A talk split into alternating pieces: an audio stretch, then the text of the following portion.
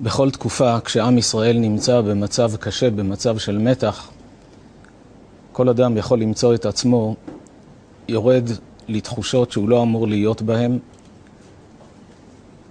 כשהוא יודע באמת להעריך בצורה נכונה את המצב, את ההשגחה האלוקית, את האמונה, את הביטחון.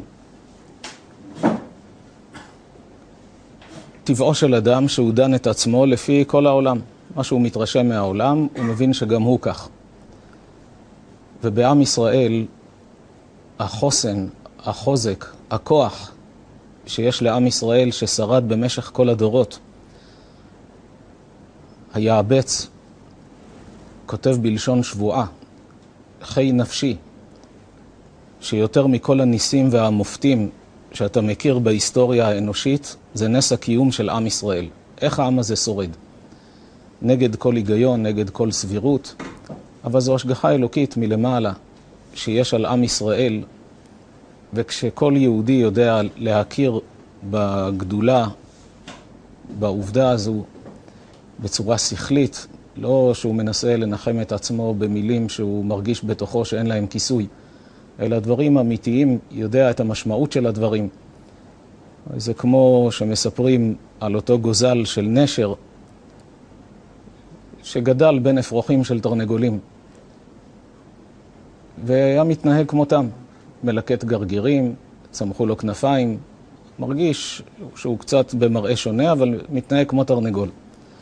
עד שנשר זקן ראה אותו מלמעלה, נחת לידו, אמר לו, מה אתה עושה פה? בחצר של הכפרי הזה. אתה רואה שם את הפסגות, את ההרים הגבוהים, אתה שייך לשם, תפרוס כנפיים, תתרומם, תעלה. אתה לא שייך למחלקת התרנגולים, אתה נשר, תתרומם ותעלה. כך כל יהודי צריך להכיר את ההשגחה הפרטית, את היסודות של האמונה, את היסודות של התורשה, שצריך לתת על זה גם את הדעת, דבר שלא כך שמים לב אליו, כמו שגוזל של נשר יכול לגדול בין אחרים, ובהתחלה הוא נראה כמותם, פחות או יותר, אבל בגנים, בתורשה, יש לו מהות אחרת, שברגע נכון הדברים יתפרצו ויראו. נעסוק בהמשך גם בשאלה שבשבוע האחרון שמעתי שמעלים אותה, איך הקדוש ברוך הוא נתן שיהיה דבר כזה של טבח, של ילדים, של תינוקות, איפה היה אלוקים באותה שעה? שאלות מהסוג הזה, נתייחס גם בעזרת השם לשאלה הזו. אבל נפתח קודם כל בדברי רבי חיים מוולוז'ין, בספר רוח חיים על פרקי אבות, שהוא מלמד גם את מה שנוגע לעוצמות, לכוחות, ליכולות, לחוסן שקיים בכל אחד ואחת מאיתנו. וגם יש בזה תועלת גדולה, בלי קשר למצב הכללי של היום, לדעת מה המשמעות של כל התעלות רוחנית, כל עבודת המידות, כל התרוממות, כל קניין רוחני שאנחנו קונים בנפש של עצמנו, עד כמה יש לזה השלכה לדורות הבאים, גם מבחינה תורשתית. דבר מעניין מאוד שהוא כותב שם רבי חיים מוולוז'ין. הוא מביא את המשנה בפרקי אבות, ספר רוח חיים זה חיבור שהוא חיבר על פרקי אבות. ושם יש משנה מפורסמת, עשרה ניסיונות נתנסה אברהם אבינו ועמד בכולם.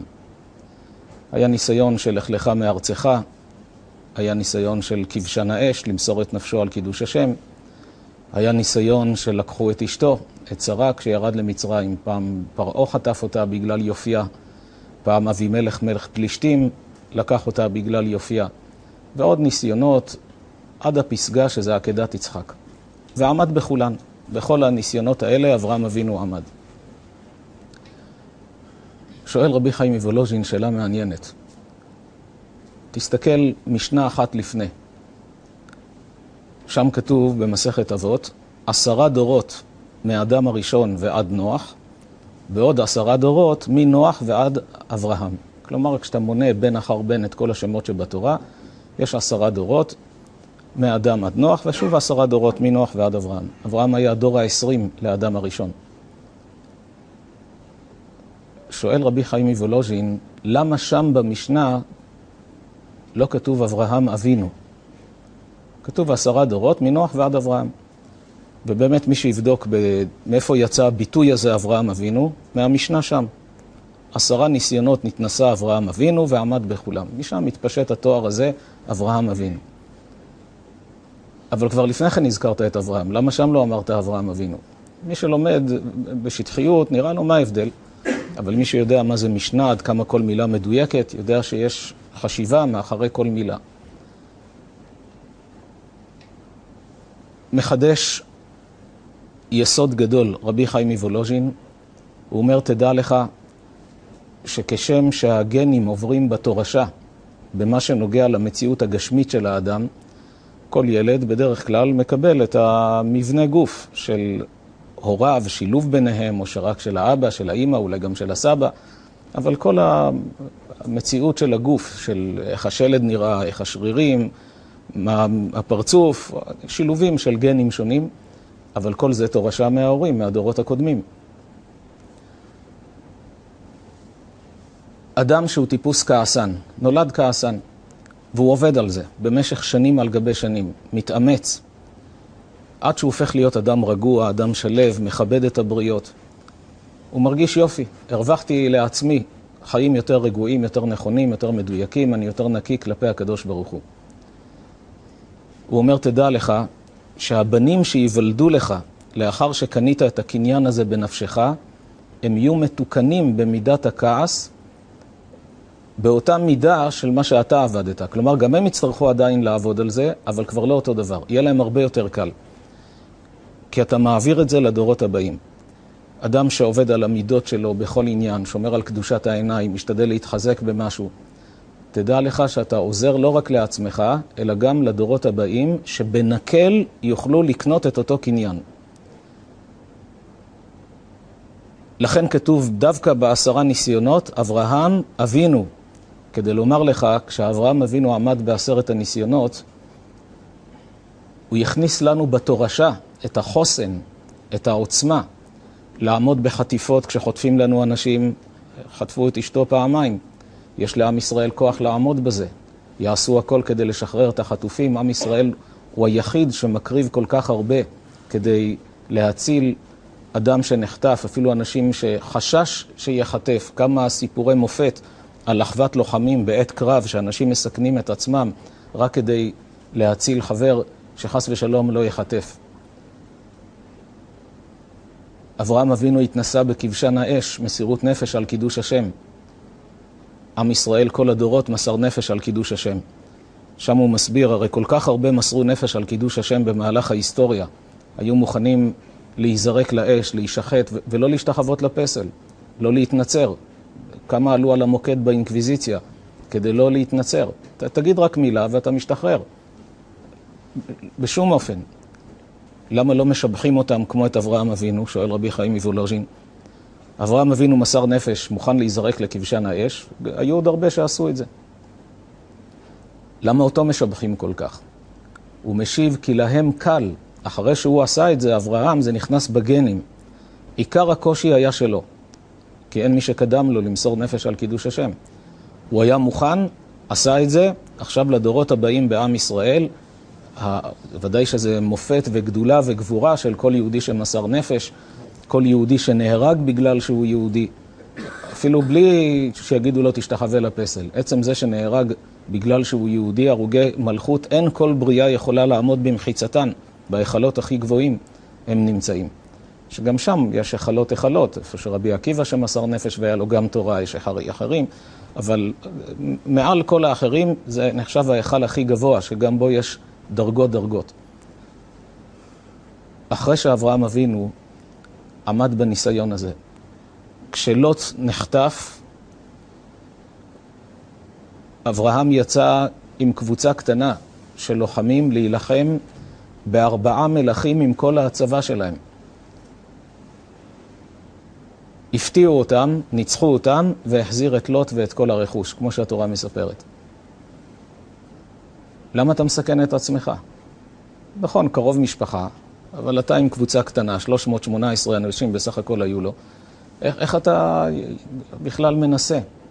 אבל יש את האחווה הזו, אני אעשה הכל במסירות נפש כדי להציל את מי שנחטף.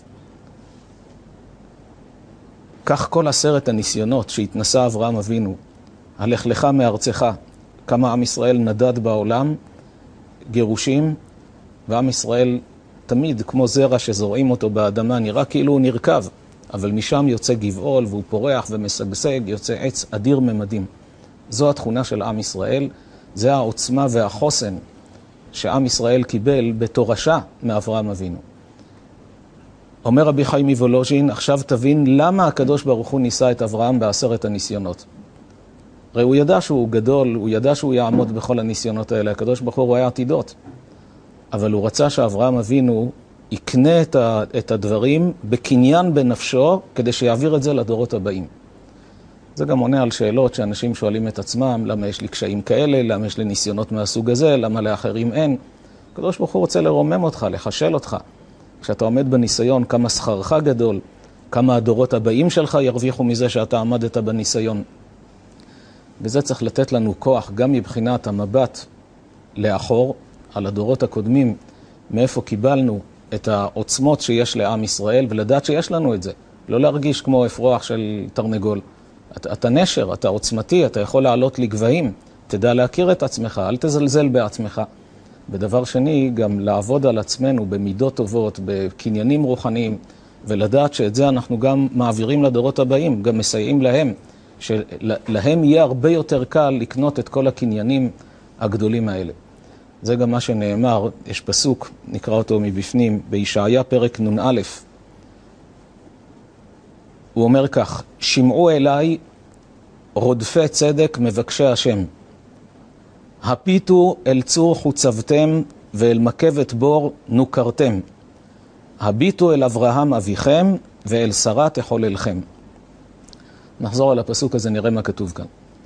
אומר הנביא ישעיה לעם ישראל, שמעו אליי רודפי צדק, מבקשי השם. מה זה רודפי צדק? אתה רוצה להיות צדיק. אתה רודף כדי להיות צדיק. עוד לא הגעת לשם. אבל אתה שואף, אתה משתוקק. מבקשי השם, אתה רוצה להיות קרוב לבורא עולם, רוצה לעשות את רצונו. אבל אתה אומר, יש לי יצר הרע, יש לי ניסיונות, איך אני אצליח? תראה איפה גדלתי, איזו סביבה, קשה לי, אני מתמודד. ואז האדם עלול להגיע לרפיון. אומר ישעיה הנביא, הביטו אל צור חוצבתם. אל תסתכל על המצב הנוכחי שלך, איפה אתה היום, אלא תסתכל על הצור, זה הסלע, שמשם נחצבתם. ואל מקבת בור, מקבת בור זה האזמלה, זה הפטיש הזה, כמו גרזן, שחוצבים בסלע ועושים את הבור. ואל מקבת בור נוכרתם, מלשון נקרא, כמו מערה. הביטו אל אברהם אביכם ואל שרה תחוללכם. תמיד המבט צריך להיות לגדולה מאיפה באנו, לאיזה שורשים אנחנו שייכים. הביטו אל אברהם אביכם, כמו שראינו במשנה אברהם אבינו, שם זה מופיע פעם ראשונה במילים אברהם אבינו, והמקור, הביטו אל אברהם אביכם, ואל שרה תחוללכם, היא זו שיצרה אתכם, ששניהם איזה גדולה הייתה להם. שרה כתוב, ויהיו חיי שרה מאה שנה ועשרים שנה ושבע שנים, שני חיי שרה. התורה אין בה אפילו אות אחת מיותרת. מה, מה זה הכפילות הזאת? מאה שנה ועשרים שנה ושבע שנים. תגיד, מאה עשרים ושבע שנים. אומרים חז"ל שהתורה באה ללמד אותנו שהשנים של שרה מחולקים עם עוצמות רוחניות, והתורה מגלה את זה שנלמד לעצמנו. מאה שנה, כשהגיע לגיל מאה שנה, היה מגיע לה תעודת כבוד מיוחדת. עשרים שנה, תעודת כבוד מיוחדת. שבע שנים, תעודת כבוד מיוחדת. על מה? אומרים חז"ל שכששרה הייתה בגיל מאה, הייתה יפת תואר כמו בחורה בת עשרים. בדרך כלל אדם מגיע לגיל מאה, הפנים מקומטות, אבל היופי שלה היה כל כך מיוחד, עד שגם בגיל מאה, מי שהיה רואה אותה היה מתפעל. לא לחינם פרעה ואבימלך חטפו אותה גם כשהייתה מבוגרת, לא חטפו אותה כשהייתה צעירה. אז מה, משבחים אדם על יופי? ממשיכים חז"ל, בת עשרים כבת שבע. מגיל מאה תבין איזה יופי הייתה לה כשהייתה בת עשרים. ובגיל עשרים הייתה טהורה וזכה, שומרת על הקדושה שלה, שומרת נגיעה, לא, לא מאפשרת לאף אחד להתקרב אליה, כמו ילדה בת שבע. הייתה כל כך נקייה וטהורה כמו ילדה בת שבע. ושרה עם החסד שלה, הכנסת האורחים והמסירות, היא ואברהם, איזה אישה מסכימה שיהיה אוהל שגרים בו והוא פתוח לארבעה כיוונים, כדי שכל מי שבא מאיזה כיוון שלא יהיה, שייכנס, יאכל, ישתה, ייהנה. שעכשיו גם רואים את עם ישראל בתפארתו. איפה יש דבר כזה בעולם, שרואים את הרוח ההתנדבותית שעוברת על עם ישראל, שכל אחד עושה כל מה שבידו, מה שיכול לעשות, לפעול ולסייע לאותם שבקרב, לאותם שבעורף. את זה קיבלנו מאבותינו, מהשורשים הנפלאים האלה, וזה מה שאומר הנביא ישעיה. אמנם אתה עדיין לא הגעת לשלמות, אתה עכשיו בגדר רודף צדק, אתה שואף להגיע לשם, מבקשי השם, אתה מבקש אותו, מחפש אותו. אבל תדע, אל תזלזל בעצמך, אתה יכול להגיע לגדולות. הביטו אל אברהם אביכם, ואל שרה תחוללכם. המגיד מדובנה כדרכו מסביר כל דבר על פי משל. הוא הסביר את הפסוק הזה. אריה אחד ברח מהכלוב שבחצר המלך, והמלך מאוד אוהב את האריה הזה. אבל ברח, מסתובב ברחובות, כולם נסגרים בבתים. המלך הורה, תתפסו אותו חי, אני לא מוכן שיהרגו אותו, שיראו בו. איך אפשר לתפוס אותו חי? אז לא היה הרדמה בחיצים. נודע הדבר לגנרל זקן של המלך, קרא לבנו, בחור צעיר בן עשרים ומשהו, אמר לו, המשימה שלך לתפוס את האריה הזה חי, להכניס אותו לכלוב. הוא יצא, מסתובב ברחובות, עד שראה את האריה, התקרב אליו, האריה נוהם והוא כנגדו. התחיל מאבק ביניהם, התנפל עליו, תפס אותו, הצליח ללכוד אותו, לקשור אותו. עוצמה אדירה של אדם כזה גיבור. אבל במאבק שלהם, האריה בציפורן הצליח לקרוע לו את השרוול ולשרוט לו את היד. כשבאו כולם, הכניסו את האריה לכלוב, המלך קיבל אותו בהתלהבות, גיבור חיל, כולם ראו מהגגות איך שהוא עושה את זה, סיפרו למלך. הזמין גם את הגנרל ואת אשתו שיבואו להתפאר בבנם, מה שהוא הצליח. הגנרל הגיע עם אשתו, רואה את כולם מתלהבים מבנו, מכבדים אותו, מעריצים אותו. להפתעת כולם ניגש אליו הגנרל, סתר לו על הלחי. המלך נדהם. על מה? אמר לו אותו גנרל, אדוני המלך, כשאני הייתי צעיר, אביך המלך שלח אותי עם קבוצת חיילים ללכוד שודדים ביער שהיו מפילים אימה על כל העוברים ושבים. נפגשנו, הייתה מלחמה קשה, חרבות, כמו שהיה בימים ההם. נפלו חללים משני הצדדים, עד שנשארנו אני וראש השודדים. והוא עם קסדה כזו של ברזל על הראש, נאבקים. ואני גיבור חיל, אני חזק, הצלחתי להתגבר עליו, כמעט הכנסתי בו את החרב, כשראה שקלטה אליו הרעה, הסיר את הכובע הברזל שהיה על הראש, אני רואה שזו אישה. אני אהרוג אישה. אז החזרתי את החרב, ואמרתי לה, בואי נשב נדבר. איך הגעת למקום הזה, להיות ראש שודדים? והיא סיפרה לו על המצוקות שהיא גדלה ומה שעברה בחיים. והתחברה לריקים ופוחזים והקימו את ה... ועכשיו כולם נהרגו, היא לא יודעת מה הלאה. דיברתי איתה, תחזרי למוטב. והיא חזרה למוטב והתחתנו. ומהחתונה הזאת, איך כתוב בפסוק? ויצא העגל הזה. הילד הזה נולד מהחתונה הזו. עכשיו תבין, אביו כזה גיבור חיל, אמו כזו גיבורת חיל, והוא חטף שריטה מהאריה, לכן הוא חטף ממני סטירה. אתה צריך להתגבר על האריה גם בלי שריטה. כי תבין מאיפה באת. אומר המגיד מדובנה, זה מה שאומר כאן נביא ישעיה לעם ישראל, תכירו בגדולה שלכם. הביטו אל אברהם אביכם ואל שרה תחוללכם, מאיפה באתם, איזה עוצמות יש לכם. ומזה תקבלו את החוסן ואת החוזק. יש במחילתא, אומר רבי שמעון בר יוחאי, בפרק י"ד, הוא אומר כך: אתה מוצא באברהם שלא ירש העולם הזה והעולם הבא, אלא בשכר אמונה, שנאמר, והאמין בה השם ויחשביה לא צדקה. דיברנו בשיעור הקודם, מה פירוש המילה אמונה?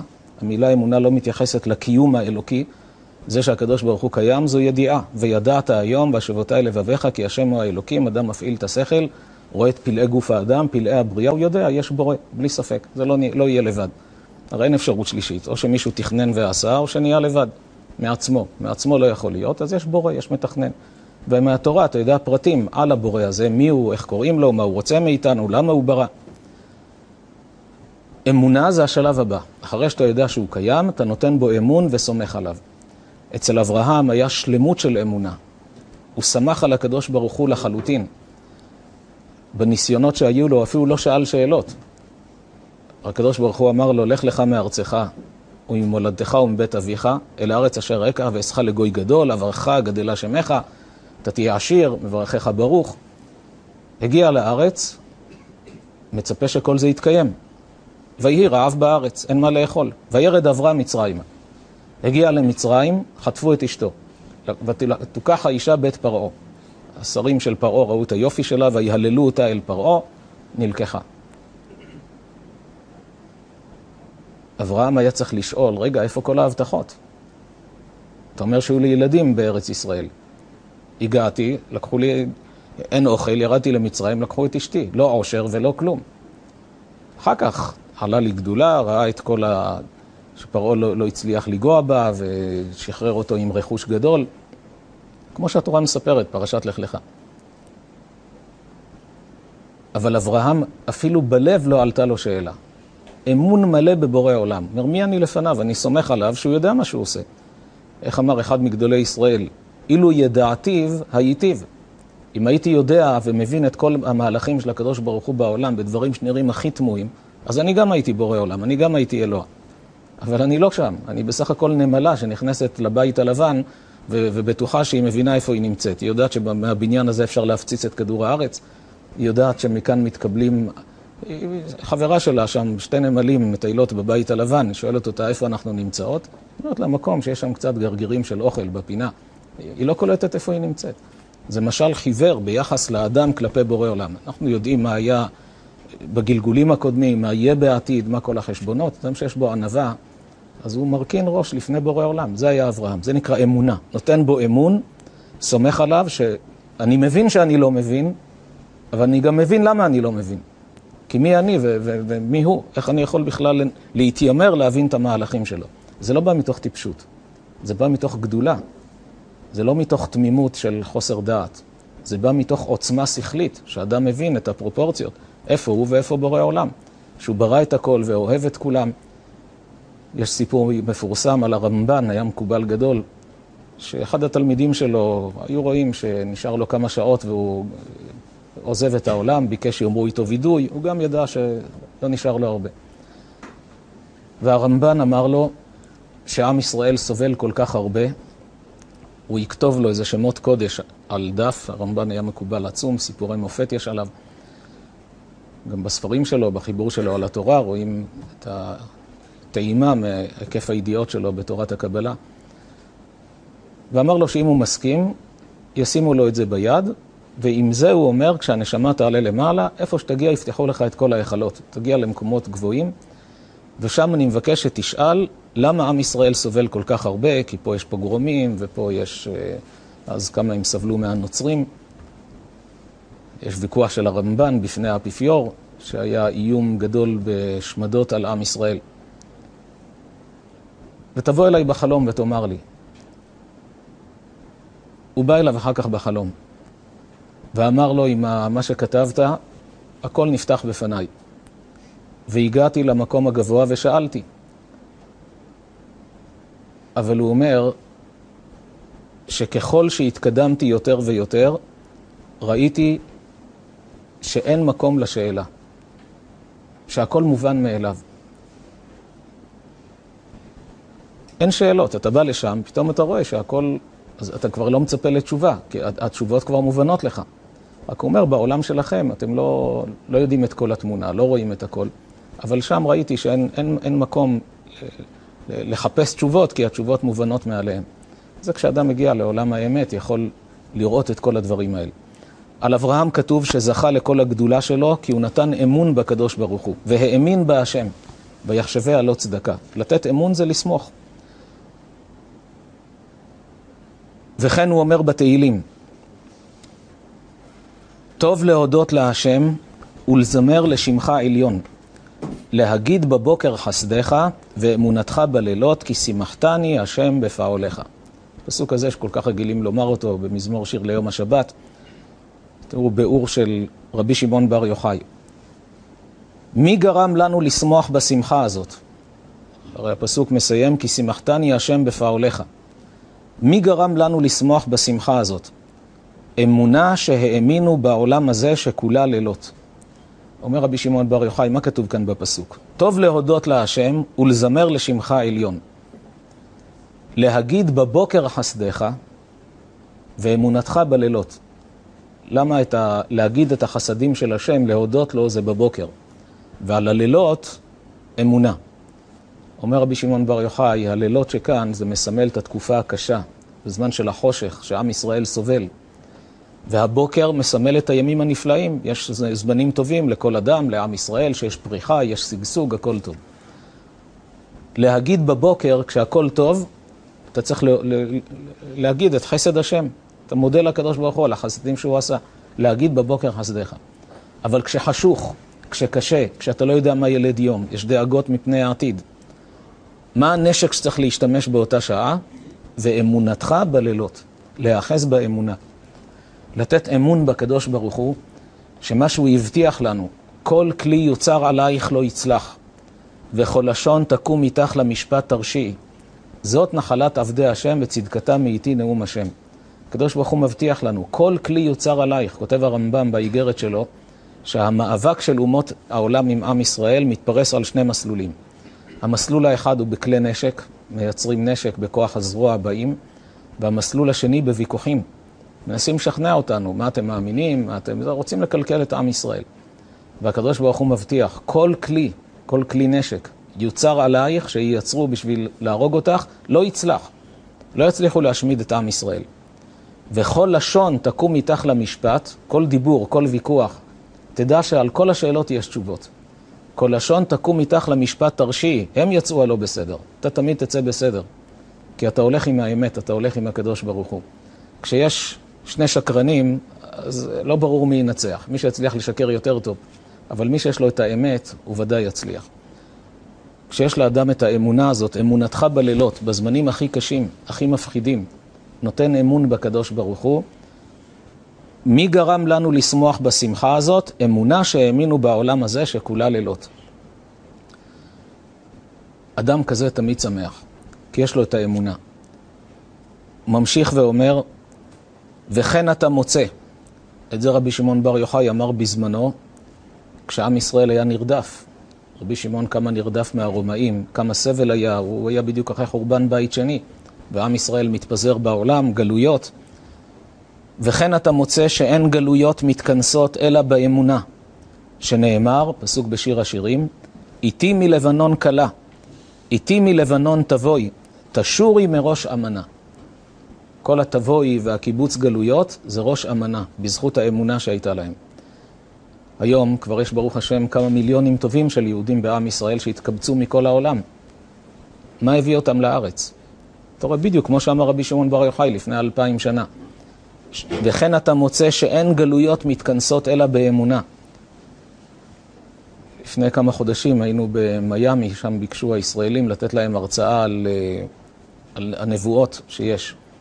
אז הזכרנו על הנבואה ש, שהקדוש ברוך הוא אומר שעם ישראל יחזור לארץ ישראל, הנני מביא אותם מארץ צפון, כי בצתי מירכתי ארץ, ולא רק הבריאים, בם עיוור ופיסח, הרע ויולדת יחדיו.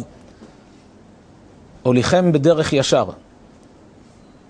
דרך ישר, כלומר, בלי הרים ובלי גאיות. פעם לא הבינו את זה, היום יש מטוסים. אז אתה מבין שיש את דרך האוויר, דרך ישר, לא ייכשלו בה.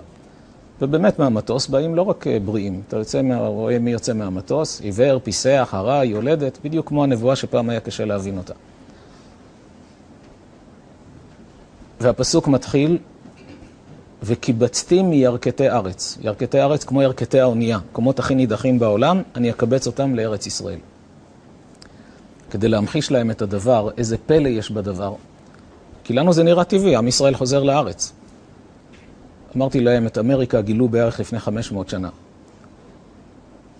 והגיעו לכאן, כל אלה שהיום רואים את עצמם אמריקאים, אזרחים, שהם נטועים, סך הכל עניין של 500 שנה, קצת אינדיאנים שהיו לפני, אבל רובם באו מספרד, ממקומות אחרים.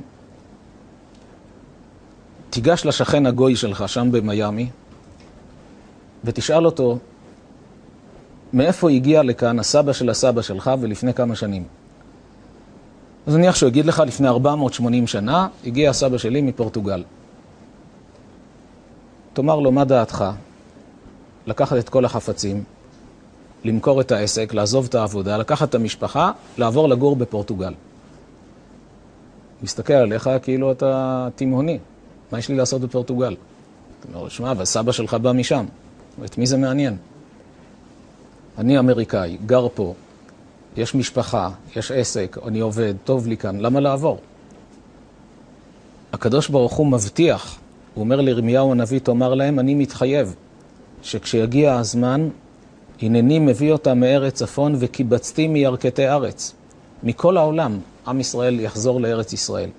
והגויים יגידו עליהם, מאלה כאב תעופנה, וחיונים אל ארובותיהם, כמו היונים שעפים לתוך הארובות, אלה הכוכים האלה שיש בגגות. ככה הם עפים אל ארובותיהם. עם ישראל חוזר לארץ ישראל מכל הכיוונים. מי יכל להתחייב על זה? מה גרם ליהודים לחזור לארץ ישראל? רק האמונה. האמונה שהם יודעים שארץ ישראל זה המקום של עם ישראל, כי משיח צריך לבוא. אנחנו לא יודעים תאריכים, אבל כשבודקים בספר דניאל, בפרק ז', את כל ההיסטוריה, רואים שהכל מאחרינו. הגענו כבר לתחנה הסופית של קיבוץ גלויות לארץ ישראל, וזה התמודדויות עם קשיים שיש, ולאחר מכן יש משיח וגאולה. עם ישראל כבר קרוב, זה גם צריך להיות נחמה לאותם ששיקלו את בני המשפחה שלהם, והכאב הוא גדול, בפרט הורים שכולים. צריכים לדעת שהפרידה הזו היא זמנית, ולא נשאר הרבה זמן.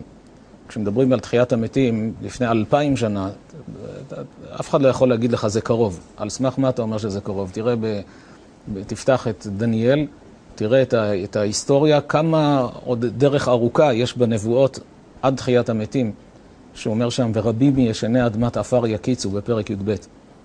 אבל בפרק ז' אתה רואה איזה אריכות. שיראה בהרצאות על דניאל, או בספר שכתבנו פירוש על דניאל, דניאל כתוב בארמית, עשינו פירוש שיהיה אפשר לקרוא שם. אדם ש... אז לדבר על קרוב, מי יכל לדבר? היום אתה יכול להגיד ודאי קרוב, בלי ספק. כל הסימנים מתגשמים בזה אחר זה. גם מה שכתוב בסוף המשנה בסוטה. ואנשי הגבול יסובבו מעיר לעיר ולא יכוננו. היום קשה להבין את המשפט הזה. לפני כמה שנים היה קשה להבין. מה זה אנשי הגבול? אנשים שגרים בגבול יסובבו מעיר לעיר. יצטרכו להתנד... למה יסתובבו מעיר לעיר? היום אתה רואה, פינו את, את הצפון, פינו את הדרום, אלה שבגבולות של ישראל, יסובבו, מחפשים איפה להיות. אז משכנים אותם, בתי מלון, אנשים מארחים אותם, זו נבואה שמתגשמת. משנה בסוף סוטה. החוצפה תגדל, כתוב שם, בן קם באביו, בת באימה, המלכות תהפך למינות, יש שלטון שלא הולך על פי התורה. בית הוועד יהיה לזנות, כל זה כתוב שם. מה שאתה רואה היום דברים נוראיים שעם ישראל בעבר לא הבין מה כתוב במשנה הזאת. אתה רואה, הכל מתגשם בזה אחר זה. ומה נשאר שם? אין על מי להישען, על אבינו שבשמיים. כך מסיים את המשנה, שהמשענות נופלות, ואדם יודע שמה שיש לו להישען זה על אבינו שבשמיים. והדברים האלה צריכים לתת הרבה חוסן, הרבה חוזק, על ידי האמונה שיש לאדם להפעיל את כוח האמונה לזכור את העוצמות שקיבלנו מהדורות הקודמים, וגם לעשות חשבון נפש לעצמנו לגבי העתיד. אותם ששואלים איך הקדוש ברוך הוא נתן דבר כזה שיקרה, שילדים, שמשפחות שלמות, שנטבחו בצורה כזו.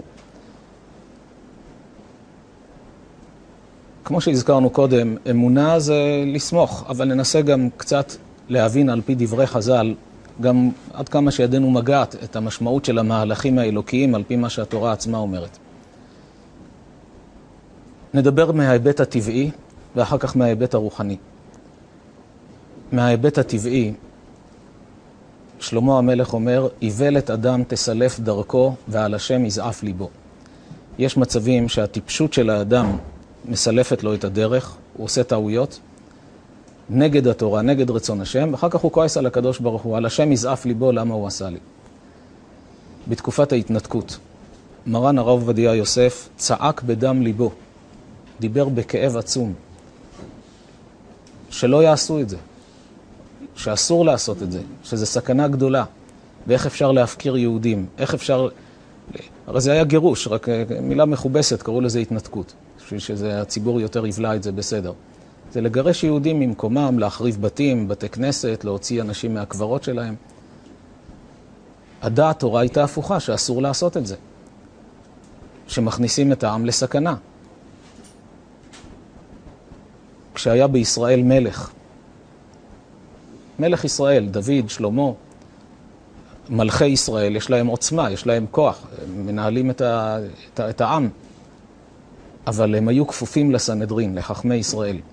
הייתה סמכות לחכמי ישראל, 71 חברי הסנהדרין, שהיו בקיאים בכל החוכמות, בקיאים בתורה, בקיא, כל אחד היה בקיא ב-70 שפות, כמו מרדכי שהכיר את השפה של בגתן ותרש, טורסית, כי היה מחברי הסנהדרין, שרצו להרעיל את אחשורוש. אנשים מלומדים, חכמים, גדולי תורה, עם ניסיון חיים.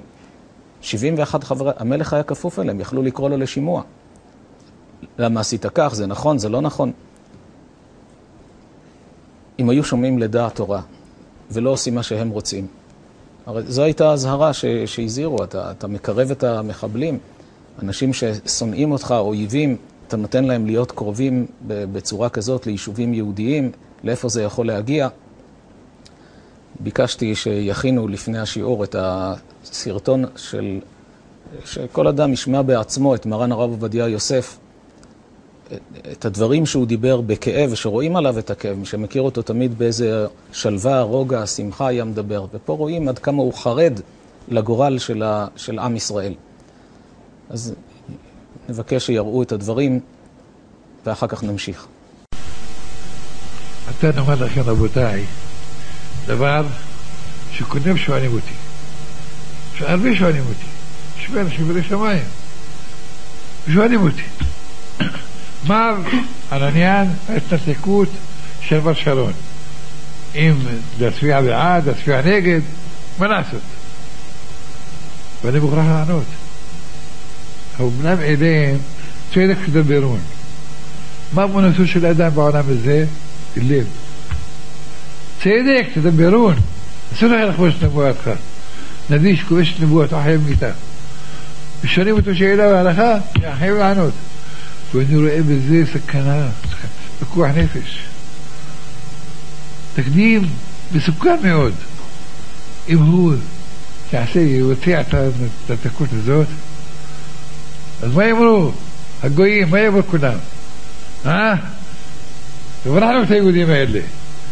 האינתיפאדה שלנו הועילה, הטרור הועיל. מגיע לנו פרס, הנה פרס, כבדנו. הנה הברחנו אותם. מחר נעשה את זה בחברון, מחר נעשה את זה בבאר שבע, ונבריח את היהודים האלה. בשביל מה משא ומתן? על מה פן יאמרו ידינו רמה, ולא השפעה כזאת. כך יאמרו הגויים. ולכן אסור בהחלט לעשות דבר כזה. חייב להצביע נגד ההצעה הזאת. ההצעה הזאת פסולה לחלוטין. היא מסוכנת לעם ישראל. זה יהיה פרס לטרור, פרס לטרוריסטים האלה, שרצחו נפשות, שבזו לנו כאלף נפשות. ניתן להם פרס, ניתן להם, יעזוב את כל, את כל זה וילך. בלי הסכם, בלי תמורה, בלי שום תמורה. חינם נמכרתם ולא בכסף תגאלו. ככה. תמכור עם אחד בלא הון. ולא רבי אותם מחיריהם. ככה בזול, ייתן להם את זה ביד שלהם. זהו, זה דרך של תורה, והתורה תסכים לדבר כזה, לתת להם את ה... להפקיר להם את, את כל מה שעשו בעזה, תתן להם הכל, ויהיו קרובים ליישובים שלנו, קרובים לאשקלון. שבעה קילומטר יש ביניהם, עם הטילים שלהם, עם התוסף שלהם. כל מה שיעשו, שמות יעשו בישראל, חס ושלום. זו סכנה גדולה זה פיקוח נפש. לכן אסור לי לשתוק. חייב אני להציל מה שיכול להציל. כל יהודי שירא שמיים יראה את הנולד, זה חכם רואה את הנולד. חכם עיניו בראשו, יראה שהוא מסכן את היישוב כולו, מסכן את עם ישראל חס ושלום. חלילה וחס לעשות דבר כזה. חייבים להצביע נגד התוכנית הזאת.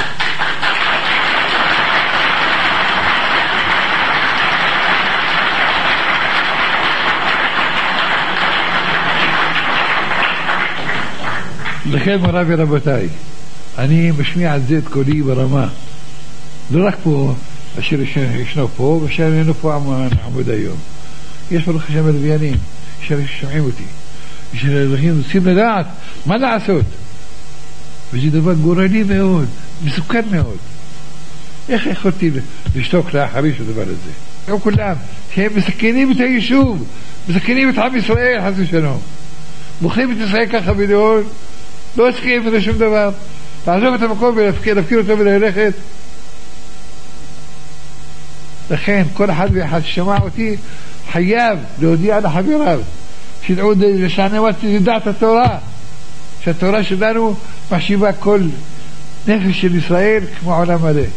עולם מלא. מותר לי להפקיר את העולם מלא, מותר לי להפקיר את עם ישראל, חס ושלום, להסתכל את החיים שלהם, איך לעשות דבר כזה? והם, אדרבה, ירימו ראש, ומשנאיך נשאו ראש, על עמך ירימו סוד, ויתעצו עד לפניך. יאמרו, לכו לחיני בגוי, ולא יזכר ישראל עוד. לא יכולנו, לא יכולנו עליהם, הנה עכשיו, ידנו רמה, ולא יש פעל כזאת. אוקיי? היום עוברים את חבי עזה, מחר יעשו, יעשו עבור חברון, מחר יעשו באר שבע, מחר יעשו גוש, גוש קטיף, גושים האלה של יהודה ושומרון ועוד. איך אנחנו נוכל לשתוק ולהחריף? חס ושלום מסכנים את כל ישראל. הוא לא רואה, הוא, הוא לא צופה את העתיד. הוא טועה בדבר. כל בסוף אדם הוא שוגה. יש בן אדם שהוא שוגה. אז צריך שמודיע על האמת. צריך שיודע על האמת. הוא אומר, טעיתי באיש. בסוף אדם טועה. שגיאות מי יבין? ככה אמר דוד המלך. מי יבין שיש שגיאה? כל אחד יש בשגיאות. יש אדם מושלם, רק קדוש ברוך הוא ישתבח שמו, ועד ועוד מעולמים. אצלו יש אמת לגמרי. חתמו שהקדוש ברוך הוא אמת. אבל אנחנו בסוף אדם בנתמותה, כל אדם עודד לטעות. הוא חשב טוב אולי לישראל, אבל זה לא כך. יש סכנה לעם ישראל. לכן מוריי ורבותיי, מצווה להודיע בכל, בכל כל חוצות, לפרסם את הדבר הזה, שאסור להצביע בעד התוכנית הזאת, תוכנית בריחה. ידעו הנה ברחו. אנחנו נרוויח אותה גם בבאר שבע, נרוויח אותה גם מחברון, נרוויח אותה גם מירושלים. אז מה יהיה הסוף? זה סכנה. טוב, זה כואב מאוד שלא התייחסו ולא שמעו לדברים של מרן הרב עובדיה יוסף, שהיה גדול הדור ועיניו רואות למרחקים. אז זה דבר ראשון שצריכים קצת לקחת מוסר השכל לעצמנו, גם ראשי הצבא, גם ראשי המדינה, הממשלה, לקבל קצת ענווה, להתייעץ עם חכמי ישראל, מדריכים מה לעשות, מה לא לעשות, ולא אחר כך לבוא ולהגיד איפה היה אלוקים. הקדוש ברוך הוא אומר, יש הדרכה בתורה, תלכו לפי ההדרכה. זה הפעמים שאיוולת אדם תסלף דרכו ועל השם יזעף ליבו. דבר שני, מההיבט הרוחני, יש פסוק בתורה, נקרא בפרשת דברים, ואנחנו חייבים לשים את הדברים על השולחן, לא חס ושלום שבאים לקטרג על עם ישראל, על מה שהיה, אבל ללמוד לגבי העתיד. דברים, פרק כ"ג, פסוק ט"ו: כי אדוני אלוהיך מתהלך בקרב מחניך להצילך, ולתת אויביך לפניך. והיה מחניך קדוש, ולא יראה בך ערוות דבר, ושב מאחריך. מילים ברורות, מפורשות. אומר הקדוש ברוך הוא, תדע שאני מתהלך בקרב מחניך, להצילך, כלומר ששום דבר לא יפגע בך, ולתת אויביך לפניך, שהם יפלו בפניך. אבל הוא אומר, אתה רוצה שאני אהיה איתך? והיה מחניך קדוש. אלוהיהם של אלו שונא זימה, את זה אמר בלעם. הקדוש ברוך הוא רוצה קדושה, ולא יראה בך ערוות דבר ושב מאחריך. אומר, אם יהיה דבר כזה, אני לא יכול להיות פה, אני הולך. וכששכינה לא שורה בישראל, חס ושלום, אז התוצאה זה טבח וסבל. לא באים חס ושלום לשפוט אף אחד, ואף אחד לא יכול לומר שזה מת בגלל זה וההוא מת בגלל ההוא. יש אנשים שניצלו בגלל השמירת שבת שלהם, כמו שמעידים סיפורי מופת. יש אנשים שומרי שבת ונהרגו.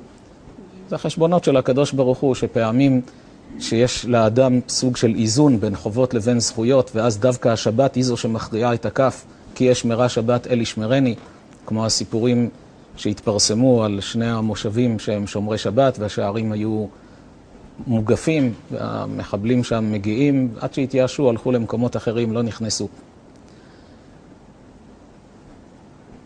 מוצאי שבת, שמעתי מאחות שעובדת בשערי צדק, אשתו של בחור שלמד אצלנו בישיבה. הם כבר נשוי עם ילדים ברוך השם, הוא אברך, והיא אחות בבית החולים שערי צדק. היא סיפרה מה שסיפרה לה יולדת בשבת, יולדת שילדה בשבת הקודמת. היא סיפרה לה שהיא גרה, אמרה את השם ולא משנה, אחד הקיבוצים החילוניים לגמרי שיש שם בדרום, כל הקיבוץ, אין אווירה של שבת, והיא לפני שנתיים התחילה לשמור שבת. בעלה קצת פחות, אבל מתחזקים ביחד, היא שמירת שבת מלאה. עם ילדים קטנים בבית, קשה מאוד להיות בקיבוץ שכולו לא שומר שבת ורק היא לבד שומרת שבת. אז סיכמה עם בעלה שבשבתות הם לא נשארים בקיבוץ. שבתות הם הולכים לקרובי משפחה דתיים, יש להם מכמה צדדים קרובי משפחה, וכך היה. בשנה האחרונה, כל שבת, הם לא היו בקיבוץ, הלכו להתארח. שבת שמחת תורה הם כן נשארו בבית, וגם אירחו זוג. למה? כי לקראת לידה, קשה לה לנסוע, אז נשארה בשבת שמחת תורה בבית, וגם אירחו זוג בביתם. בבוקר שומעים יריות, שומעים דיבורים בערבית, רואים כל מה שקורה בחוץ, נעלו את עצמם, ואלה החיות אדם האלה עברו בית-בית, פוצצו, טבחו, שרפו. וליבם מפרפר בקרבם. למרבה הפלא, הם רואים מהחרכים שם שהמחבלים עוברים ליד הבית, מדלגים מהבית שלהם ועוברים לבית הבא. המשיכו שם לטבוח, לבית אפילו לא ניגשו, זה היה חידה. למה לא ניגשו לבית הזה? הם ניצלו כולם, גם האורחים, גם... כשתפסו אחר כך את המחבלים עם הרשימות, אתם יודעים שהתפרסם שעובדים שהיו עובדים שם, יש אחת שהיא הייתה אשת שמאל, והיא אומרת, אני לא מאמינה, זה אדם שאני נתתי לו צעצועים לילדים, ממתקים, כמה פינקתי אותו, כי הייתי בטוחה, ואני תמיד דגלתי באחוות עמים, ודאגתי לילדי עזה. בסוף התברר שהוא עשה רישום של כל הקיבוץ, כמה ילדים יש בכל משפחה, את מי להרוג ואת מי לקחת בשבי. אלה ארבעה ילדים עם כלב, אלה ככה, ממש פרטים, הכל פרטים, פרטי פרטים, ש... עם רשימות, מצאו את זה בידיים של המחבלים האלה. כשמצאו את הרשימה הזו, אז יש פירוט על כל הרחוב שלהם, כמו של כל הקיבוץ, אבל על הבית שלהם כתוב, בשבתות הם לא נמצאים בבית. ואז כשהם הגיעו, לא נמצאים, אין מה לגשת לשם. דילגו על הבית שלהם, המשיכו הלאה. זה מעשה שסיפרה יולדת בשבת לאחות אשתו של ה...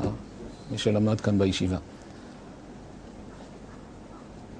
עוד סיפורי מופת מדהימים, שאתה רואה ממש את, האחד על אחד של הכי אשמרה שבת אל ישמרני. מצד שני, יש כאלה גם של חשבונות שמיים, גם שומרי שבת, לא תמיד, זה כמו שציצית, יש בה הגנה ושמירה מעל הטבע, כמו שכפ"ץ רוחני.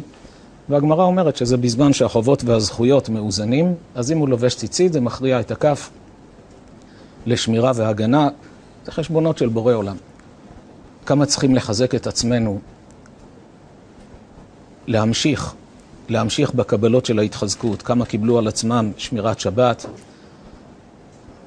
מאז האסון הנורא הזה, והקדישו את זה לשמירת עם ישראל וחיילי ישראל, כמה בנות השליכו וקרעו את הבגדים הלא צנועים, עברו לבגדים צנועים, עדויות מפליאות שמסריטות ושולחות, התפרסם הרבה גם בהידברות.